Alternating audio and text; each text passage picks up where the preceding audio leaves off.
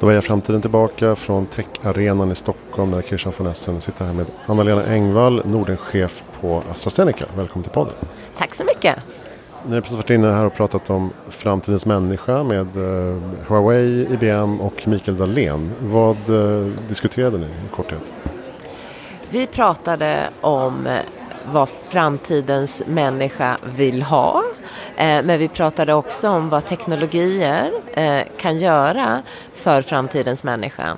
Hur vi kommer vara mer uppkopplade, hur det kommer finnas mer tillgång till data och information. Och för oss som ett biotechföretag så är ju det en av grundförutsättningarna för att vi ska kunna designa framtidens läkemedel för framtidens människa.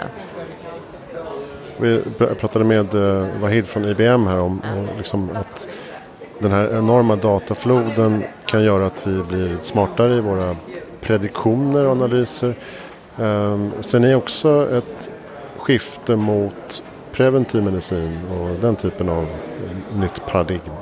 Absolut. Eh, så dels så jobbar vi tillsammans med hälso och sjukvården för att ta fram prediktionsmodeller för att kunna hitta patienter som har risk för att utveckla vissa sjukdomar och som då kan behöva screenas för eh, och testas för om de har den här sjukdomen och där man då också har, kan matcha det med lämpliga behandlingar. Så det, det är ju den en, ena delen men sen använder vi också eh, den typen av prediktionsmodeller för att kunna snabbt hitta mål för nya läkemedelsbehandlingar på liksom cellnivå då handlar det om på, det, på den nivån. Och, eh, nu pratar man ju i liksom, Silicon Valley-kretsar om eh, vaccinutveckling för helt andra typer av sjukdomar. Så här kan man eh, vaccinera sig mot Parkinson, Alzheimer, den typen. Eh, ser ni att det är en framtid som kommer komma? Den typ av teknologier som används eh, vid covid-19-vaccin eh, kan också användas för vanliga läkemedelsbehandlingar. Och, och, man tänker ju ofta på vaccin som en prevention, alltså att man förebygger att man får en, en sjukdom.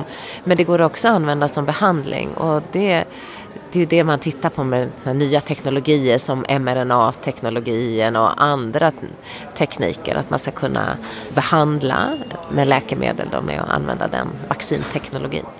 Hur jobbar ni vidare nu med, eh, alltså, jobbar ni vidare med covid-vaccinproduktion efter att det liksom dämpats lite i Sverige? Producerar ni för utlandet nu? Absolut, så vi fortsätter ju att, eh, att eh, producera läkemedel för covid-19, både vaccin och andra läkemedel som vi forskar fram.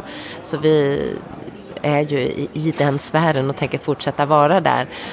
Och eh, på världsbasis så har ju vi levererat över en miljard vaccindoser till eh, 180 länder hittills. Så att eh, för oss är det här naturligtvis något som vi fortsätter med också framöver. Många spår ju liksom, eller har spått nu under covid att intresset för biotech och bioteknologi, medicinteknologi har ökat otroligt mycket och kommer att fortsätta vara en, en fantastiskt expansiv bransch. Ser du också att det här eh, generella intresset både från eh, allmänhet och eh, kapital eh, liksom fortsätter att öka? Ja, naturligtvis så, jag menar, alla är intresserade av eh, hälso och sjukvård idag. Det, om vi bara ser på politikernas agenda och inför valet så är det ju plötsligt en väldigt het fråga.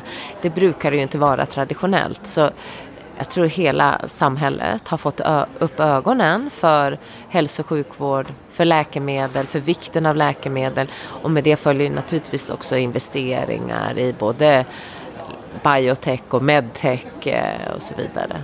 Mm. Jobbar ni också med eh, mätverktyg och implantat och sådana saker för biodatainsamling? Så vi jobbar ju med eh, olika techaktörer för att kunna samla in data. Det gör vi på olika sätt, lite beroende på vad det är. Men vi samlar ju in data i våra kliniska studier, det har vi ju alltid gjort. Och där, eh, det fortsätter vi att göra, det är oerhört viktigt. Vi ser ju på nya teknologier för hur patienter ska kunna ta vissa eh, prover hemma själv. Och då menar vi sådana saker som vikt, blodtryck, eh, puls, syresättning när de är med i en eh, klinisk studie. Och så den typen av teknologier är vi väldigt intresserade av för att det skulle naturligtvis underlätta för patienter att inte behöva åka in till sjukvården för att göra de testerna men också för sjukvården som inte behöver göra den typen av ganska enkla tester och för oss som skulle få direkt feedback eh, från patienterna. Så den typen av data är vi insamling och sätt att göra det på tycker vi är superspännande. Det kommer vi se mer av hos gemene man helt enkelt?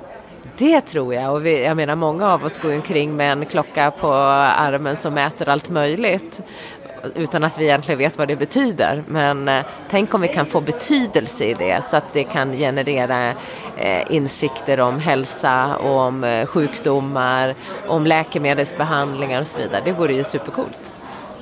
Bra. Eh, tack snälla Anna-Lena Engvall från AstraZeneca. Tack så mycket. Uh, Hejaframtiden.se heter hemsidan du letar med om podden. Jag heter Christian von Essen från Techarenan i Stockholm. Tack för att du lyssnade.